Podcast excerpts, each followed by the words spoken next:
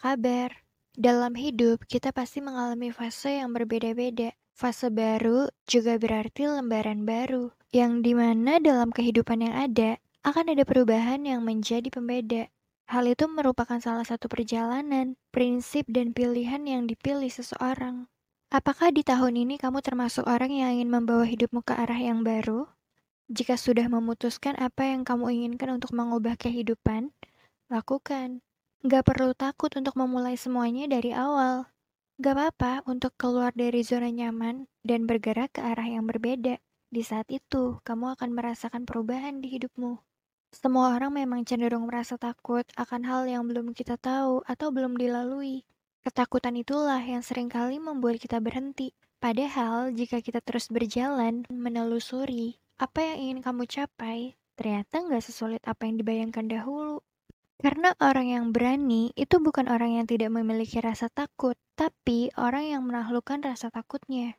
Kesulitan, cobaan akan selalu ada, bahkan bisa datang di waktu yang kita tidak siap untuk merasakannya.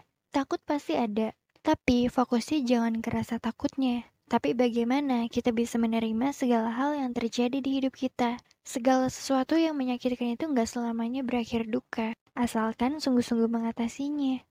Kita tidak bisa mengubah apa pun yang terjadi, tetapi kita bisa mengontrol diri sendiri. Kita tidak bisa memaksa hal yang bukan takdir kita, tapi kita masih diberi nyawa, dan untuk bahagia, itu akan tetap jadi hak setiap manusia. Kalau banyak maunya, harus lebih keras juga usahanya. Karena banyak rencana tanpa realisasi yang nyata juga nggak akan jadi apa-apa. Kalau kamu memiliki kewajiban yang belum dilaksanakan, pekerjaan yang belum dibereskan, tanggung jawab yang belum diselesaikan, mimpi-mimpi yang belum terwujudkan, dan berbagai hal yang sempat tertunda, selesaikan dulu ya, baru memulai hal yang lainnya. Supaya nggak terbebani dengan tuntutan-tuntutan yang belum selesai kamu coba. Tercapainya tujuan atau belum, itu hanya soal waktu. Bahkan di setiap proses perjalanan juga akan terbentuk sesuatu. Tidak usah terburu-buru. Yang penting sampai ke tujuan itu. Karena selambat-lambatnya pun akan ada perubahan di dirimu. Entah itu sikap, pola pikir, fisik, atau mentalmu. Gak harus jadi sempurna, sesuai porsinya aja. Menjadi manusia yang sabar dan lapang dada dalam menerima, baik itu dalam kesenangan, kesedihan, kegagalan, kekecewaan, kehilangan, atau apa pun yang menyakitkan. Bersyukur atas segala sesuatu yang terjadi, menyadari bahwa apa pun yang Tuhan beri pasti baik untuk diri ini. Menjadi pemaaf bagi orang-orang yang telah melukai, tidak menyimpan dendam, apalagi benci. Dan semoga orang yang tanpa sengaja aku lukai pun memaafkanku. Karena nggak ada manusia yang nggak pernah melakukan kesalahan. Jadi aku pun pasti ada salahnya.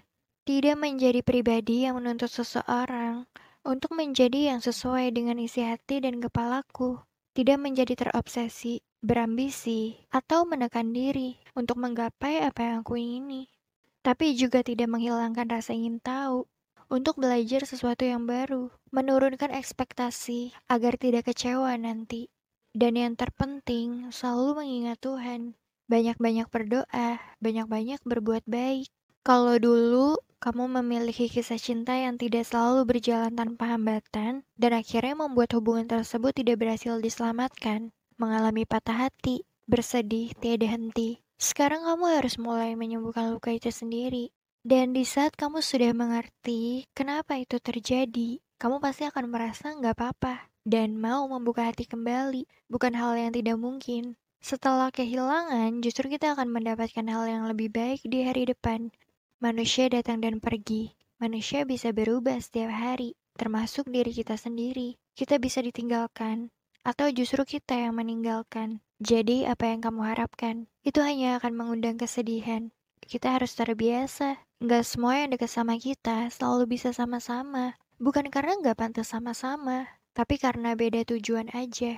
Ikhlaskan segala hal yang membuat sedih.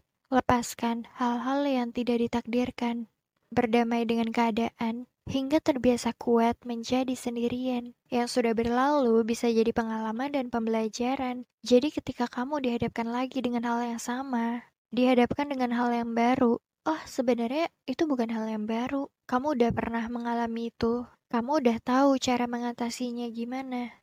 Sesulit apa pun kisah di masa lalu, selalu ada kesempatan untukmu membuka lembaran baru sebagai sarana untuk bertumbuh.